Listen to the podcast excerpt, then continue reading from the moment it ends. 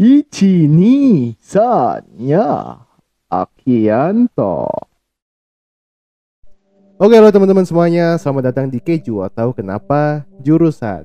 Nah, di beberapa episode ber- eh, sebelumnya, ya dua episode sebelumnya, eh, aku ngobrol sama mahasiswi sastra Inggris dan juga dosen dari bahasa Mandarin. Dan sesuai janjiku, di episode ketiga kali ini aku bakal ngobrol sama temenku yang merupakan mahasiswi dari jurusan DKV atau Desain Komunikasi Visual. Nah, namanya adalah Jenny dan apa kabar Jenny? Hai, aku baik kok. Baik ya, baik ya. Kesehariannya ngapain Jen? Eh, nggak ngapa-ngapain sih. Kebetulan kan baru selesai UAS-nya. Aha. Tanggal 11 Juli kemarin tuh bener-bener terakhir terus ya udah deh belum ngapa-ngapain sampai sekarang. Masih pengen istirahat. Oh, jadi lagi berusaha beristirahat gitu ya. Biasanya ngapain aja kayak nonton gitu kah atau Eh, iya sih, kadang suka nonton IG-an ya kan. nonton apa? Ya main-main sosmed kayak enggak enggak enggak enggak terlalu into drakor sih. Hmm, Kayak pokoknya apa yang aku kira-kira suka ya udahlah nonton aja. hmm, I see, I see, I see. Tapi di di sana di tempatmu aman nggak itu kondisinya? Oh, di kota aku ya? Iya. Enggak nih. Merah kalau nggak salah, merah atau hitam gitu. Aduh, serem ya. Iya, parah banget sih. Kasusnya lagi banyak banget di sini. Kamu kamu tapi nggak apa-apa kan di sana? Enggak, anak rumahan kok, santuy. Enak, enak, aman ya. Iyalah. Aman, aman banget. Oke, oke Jen. Eh, Yes. anak DKV, desain komunikasi visual. Aku tuh eh, kepo. Di DKV itu tuh ada penjurusan nggak? Kayak misalkan eh, fotografi kah atau apa gitu, film gitu gitu. Eh, penjurusan ada sih. Kayak kan ini barusan aku semester 4 nih ya. Mhm. Baru semester 4 itu baru dapat kayak ada mata kuliah pilihan. Kalau yang 1 sampai 3 itu kan semuanya harus benar-benar wajib ya kan. Kayak ya pilihannya ini di semester 1 kamu harus ngambil ini ini, semester 2 ini ini, ini gitu. Kalau di semester 4-nya kemarin itu ada mata kuliah pilihan gitu. Jadi eh, boleh nambah mata kuliah itu ya emang harus ngambil sih at least satu gitu milih. Ya kayaknya itu udah termasuk penjurusan sih. Oh, I see. Jadi ada mata kuliah pilihannya. Itu apa aja? Kalau boleh tahu. Eh, ada komik dan kebetulan aku ngambil komik sih. Soalnya kan aku emang lebih apa ya? Ya prefer ilustrasi lah. Jadi aku sekalian Oh. pengen belajar juga buat komiknya. ha. Terus ada 3D modeling juga. Habis itu ada desain kemasan. Ya ada beberapa lagi kok. Ada videografi juga. Satu lagi aku lupa sih. Sorry banget. Ada lima pokoknya. Eh, fotografi termasuk videografi atau dibedain? Eh, beda lagi kalau fotografi di kampus aku tuh di semester 3 itu termasuk wajib. Oh, wajib. Kan mungkin emang karena iya kan mungkin emang karena basicnya fotografi dulu gitu ya terus baru ntar boleh milih lo mau videografinya juga sekalian apa enggak gitu Hmm, see, I see, I see. Jadi ada kayak dikasih pilihan gitu ya. Kamu mau jadi apa ke depannya gitu. Mhm. yes ya soalnya kan kalau matkul pilihan tuh kayaknya emang eh, agak lebih berat gitu ya dan jadi ya bebas sih dibebasin milih gitu jadinya Hmm, I see, I see, I see. Tapi kamu semester 4 ya baru disuruh milih. iya baru di semester 4 Oh. Eh, bukan baru sih, itu udah di semester 4. Aku aja masih belum soalnya mata kuliah pilihan.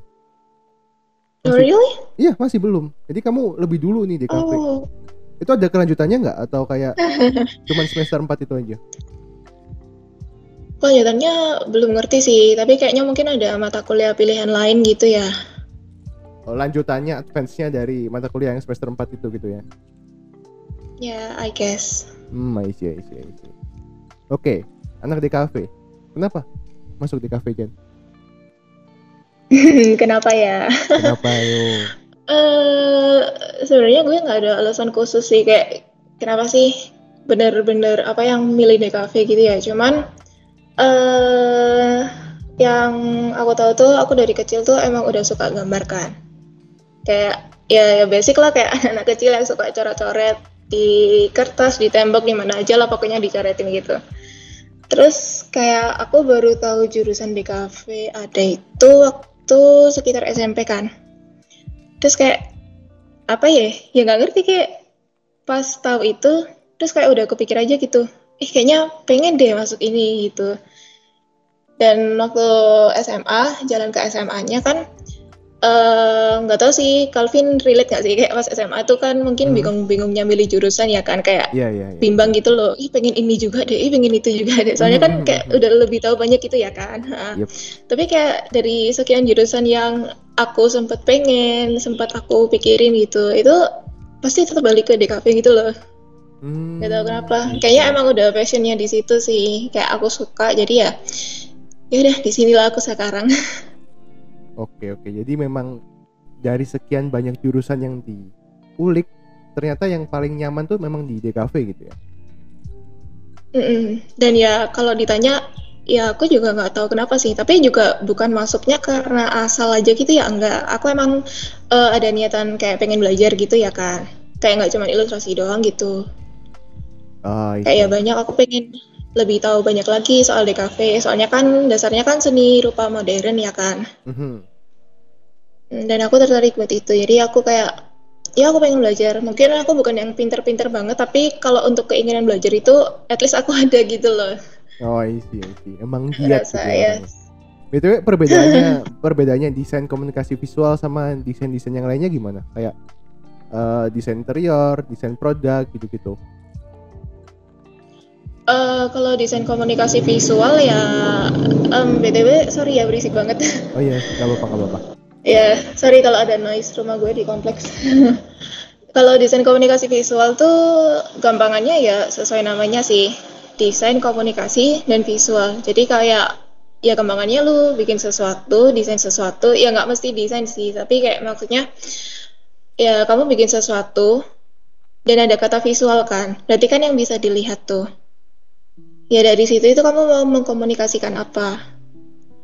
Gampangannya sih gitu sih. Jadi kayak ya anggap aja lah kayak jurusan aku yang baru aku ambil di mata kuliah pilihan itu eh, ya, komik ya kan.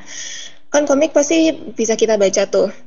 Dan pasti Mhm. kan ada hal yang pengen disampaikan melalui komik itu. Entah walaupun misalnya ada komik yang nggak ada pesan moralnya kayak gimana ya. Maksudnya kayak emang tujuannya cuma menghibur doang gitu loh. Mhm, mhm. Itu kan tapi berarti ada yang dikomunikasikan gitu. Seenggaknya ya kan.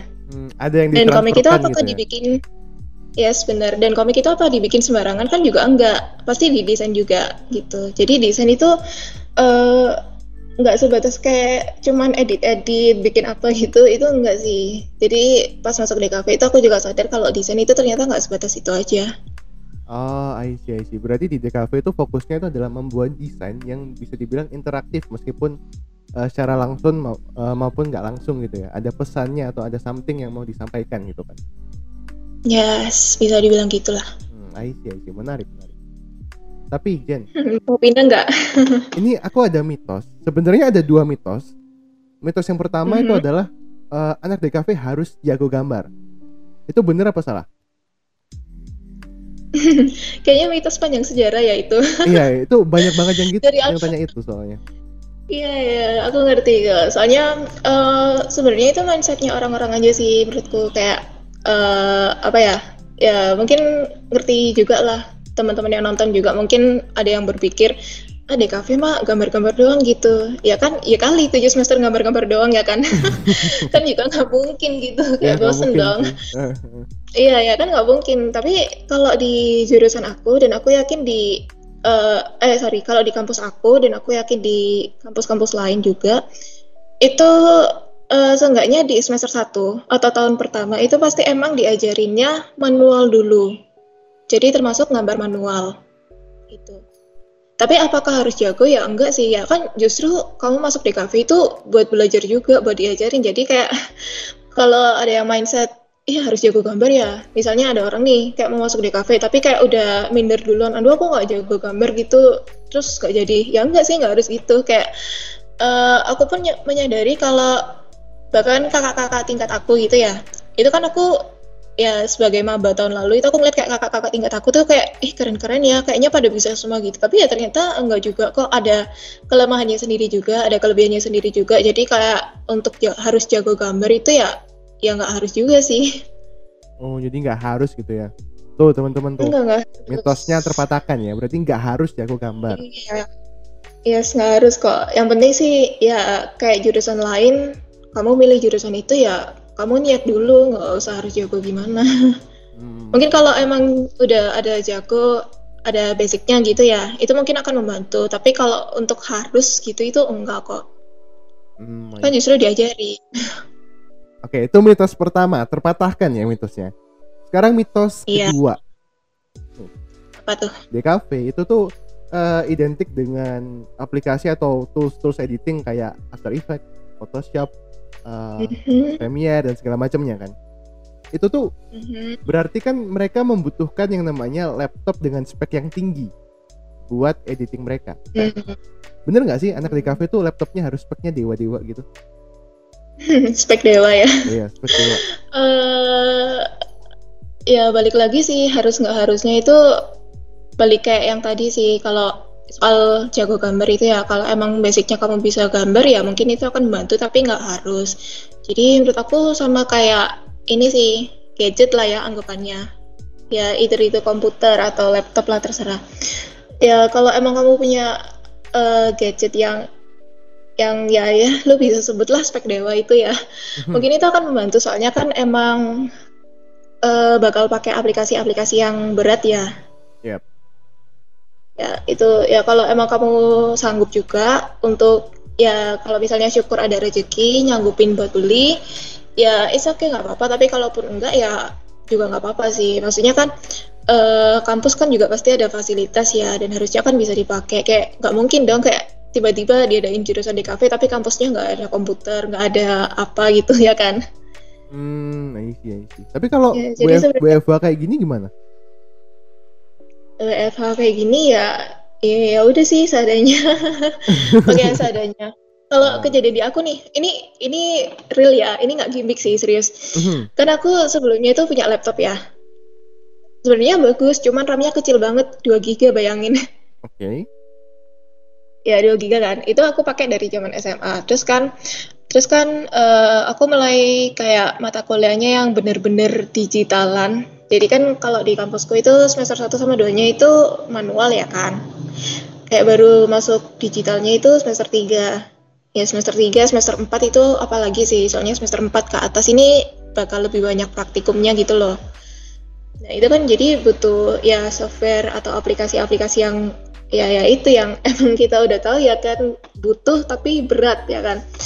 Dan dengan laptop 2 gigaku itu dia sanggup loh sebenarnya Oh ya? Yeah? Surprisingly, iya surprisingly kayak aku tuh pakai apa aja ya Illustrator, Photoshop, habis itu sama aku pakai uh, software buat ilustrasi, aku pakai Medibank kebetulan, terus juga beberapa aplikasi lain, aku pakai Adobe Flash itu buat bikin animasi dan ya ternyata sanggup-sanggup aja sih walaupun akhir-akhirnya agak ngotot gitu karena kepanasan oh iya iya iya tapi kalau WFH sih mungkin ya, gitu ya. Uh, iya ya, tapi ini juga aku surprise sih. Kayak teman-teman aku juga kaget kayak serius jangan lo laptopnya cuma 2 giga RAM-nya gitu. Kayak wow. gitu sih. Tapi kalau misalnya uh, misalnya kepepet nggak punya nih, mungkin bisa sharing sama temen sih. Kalau kalau di aku di kelasku itu dikasih solusinya juga kayak gitu. Mungkin bisa ke temen yang rumahnya deket atau juga punya apa ya gadget yang memadai gitu dipakainya gantian gitu ya cari solusi lah hmm, I see, I see. Uh, kira-kira ada anu nggak uh, rekomendasi spek yang nggak tinggi-tinggi banget tapi juga nggak rendah-rendah nggak rendah-rendah banget yang bisa support uh, anak di cafe gitu Waduh apa ya? nah, mungkin i3 kan uh, atau i5 gitu terus RAM-nya berapa gitu Uh, kalau RAM mungkin at least 8 sih ya. Biar biar maksudnya make sure kalau kuat gitu loh. Mm-hmm. kalau buat lain-lainnya sih uh, kayaknya nggak terlalu harus sih. Ya at least mungkin yang paling penting di RAM-nya lah. Hmm, I see, I see. Jadi kalau bagi kamu Tapi yang paling penting menurut ramenya. aku ya, kalau misalnya menurut aku sih itu tapi kalau misalnya salah atau kurang ya mohon maaf. Oke oke. Oke Jen, eh bisa minta tolong nggak kasih aku satu quotes ya satu aja yang kalau misalkan kamu dengar quotes itu tuh kamu bakalan semangat lagi satu aja Satu quotes apaan ya? yang bebas deh Eh apa ya? Kalau aku sih em, boleh dari Alkitab nggak sih? oh gak apa-apa gak apa-apa gak apa-apa gak apa-apa Iya, gue dari ayat Alkitab sih. Kayak eh kebetulan eh, sambil cerita dikit juga kali ya. boleh Jadi di eh, waktu ya tahun lalu lah, pas pandemi gini ya kan, Mhm. Itu aku juga sempat ngerasain kok kayak eh sumpeknya aku bahkan di jurusanku sendiri itu kayak aku nggak suka gitu loh. Bukan bukan ngerasa salah jurusan ya, bahkan maksudnya aku sempat ada di tahap kayak eh apa ya? Kayak padahal aku suka ini gitu loh, tapi kenapa aku nggak bisa enjoy? Kayak aku nggak bisa menikmati, kayak aku nggak bisa seneng gitu loh. Hmm, Nggak tahu oke. kenapa ya kan? titik jenuhnya Mm, terus kayak aku iya kayak jenuh gitu. Mhm. terus jadi baru ngerasain yang bener-bener gitu. Ternyata bahkan di hal yang aku suka ini tuh kayak sumpek gitu ya bahasa Jawanya. Kayak capek lah intinya kayak jenuh banget burn out banget gitu. Terus jadi kayak ya itulah nggak semangat. Terus jadinya juga ngaruh sih ke keseharian aku. Kayak aku jadi lebih sensitif dan sebagainya gitu terus kayak eh, puji Tuhan aku nemu satu ayat Alkitab ini sih dari aduh kayak kok ini jadi pelajaran agama ya kayaknya gak apa-apa gak apa-apa Oke, oke. Aku kebetulan kayak kayak nggak tahu ya bener-bener tiba-tiba aja gitu loh nemu ayat ini gitu pas buka Alkitab dari Mazmur 147 ayat 3. Mhm. Jadi kan tuh eh, kata-katanya kalau dia dia ya dia Tuhan itu ya yaitu menyembuhkan orang-orang yang patah hati dan membalut luka-luka mereka. Mhm. Terus kayak aku langsung, ih ya ampun, ternyata apa ya, maksudnya aku tuh punya Tuhan yang luar biasa yang nemenin aku gitu loh maksudnya. Jadi eh, selama apa pun aku, kayak Tuhan itu masih tetap nyertain aku gitu, nguatin aku. Kayak aku itu punya Tuhan yang lebih besar daripada masalah-masalah aku. Dan aku itu ternyata juga sebenarnya lebih kuat dari yang aku pikir gitu loh oh kayak waktu aku down itu aku ngerasa iya tapi gimana pun aku udah ngelewatin ini loh udah ngelewatin itu gitu loh. Kayak udah banyak juga yang aku lewatin. Jadi eh puji Tuhan sampai saat ini itu sih yang aku pegang sampai sekarang. Jadi kayak tiap aku down tiap aku kenapa gitu kayak aku mikirnya udah deh nggak apa-apa ini bakal berlalu kok. Kan kamu disertain Tuhan terus gitu. Kalau kamu ngerasa capek kamu terluka ya nanti disembuhin kok pasti. Kayak gitu sampai sekarang Vin oh wow amin amin amin gitu kan amin ya ya, ya. Amin, haleluya. itu itu setelah setelah ngelam apa ngelewatin masalahnya kayak eh udah kelewat eh aku bisa dong gitu ya Eh, aku bisa kok gitu Iya bisa gitu loh. Jadi Iya, eh, emang jadi nyadar aja gitu. Bahkan di hal yang kita sukain itu kita juga bisa jenuh, bisa yang sumpek banget gitu. Tapi puji Tuhan nggak sampai yang sampai apa? Nge- ngerasa salah jurusan atau gimana sih? Kayak gitu itu nggak sampai kayak gitu maksudnya tapi kayak ih capek ih jenuh ya ih kayak apa sih gini-gini terus gitu loh soalnya. Hmm, kayak ya bangun kelas kerja tugas udah gitu-gitu terus gitu. Kayak itu jujur eh ya itu sih sumpek aja gitu jadinya terus kayak dikuatin sama ayat itu dan aku pegang sampai sekarang. Jadi kalau misalnya aku lagi ngalamin hal yang berat atau apa gitu kayak aku ya mikirnya cuman udah deh nggak apa nggak apa-apa. Ini nanti berlalu. Kalau udah berlalu nanti kamu bangga kok. Sama diri sendiri kamu kayak kamu bangga bakal kok. iya. Heeh, nanti kamu bakal seneng kok. Kamu eh, bakal bersyukur kok kalau udah ngelewatin hari ini gitu. Jadi kayak eh whenever aku toleh ke belakang lagi gitu aku bakal lihat oh aku udah ngelaluin itu. Berarti kalau misalnya di depan ada lagi aku bakal ngelewatin ini juga gitu pasti. Wow wow wow. Keren sih keren keren keren. Suka banget aku sama quotesnya oh quotesnya sama ayatnya. Uh sumpah. Thank you banget Jen Mm. itu. Jadi ayat favoritku yang baru. Em, oke Jen eh, thank you banget udah mau jadi teman ngobrolku. Thank you banget buat sharingnya. Masalah di cafe, masalah laptop, bahkan masalah yang kamu lewati barusan tadi. Thank you banget memperkaya ilmuku banget. Eh, semoga Yes, ke depannya kamu happy terus. Semoga kamu Amin. diberkati terus, ya. Jangan sampai Amin. ada masalah. Sehat selalu dan semoga di jurusan di kafenya makin sukses dan nanti kalau misalkan terjun ke dunia kerja dapat pekerjaan yang sesuai sama keinginan kamu. Amin. Amin. Doanya balik ke Calvin ya. Amin. Amin. Diaminin yang keras. Amin. Keras banget. Oke. Thank you Jenny dan buat teman-teman semuanya thank you yang udah nonton. Sampai jumpa di video berikutnya. Thank you. Yes, thank you semua. Hey yo, thank you banget buat teman-teman semua yang udah nonton videonya dan kalau misalkan kalian suka sama videonya, please like, comment, and subscribe guys karena subscribe kalian nggak gitu Vin. Oke, muah, love you guys semua. Bye bye.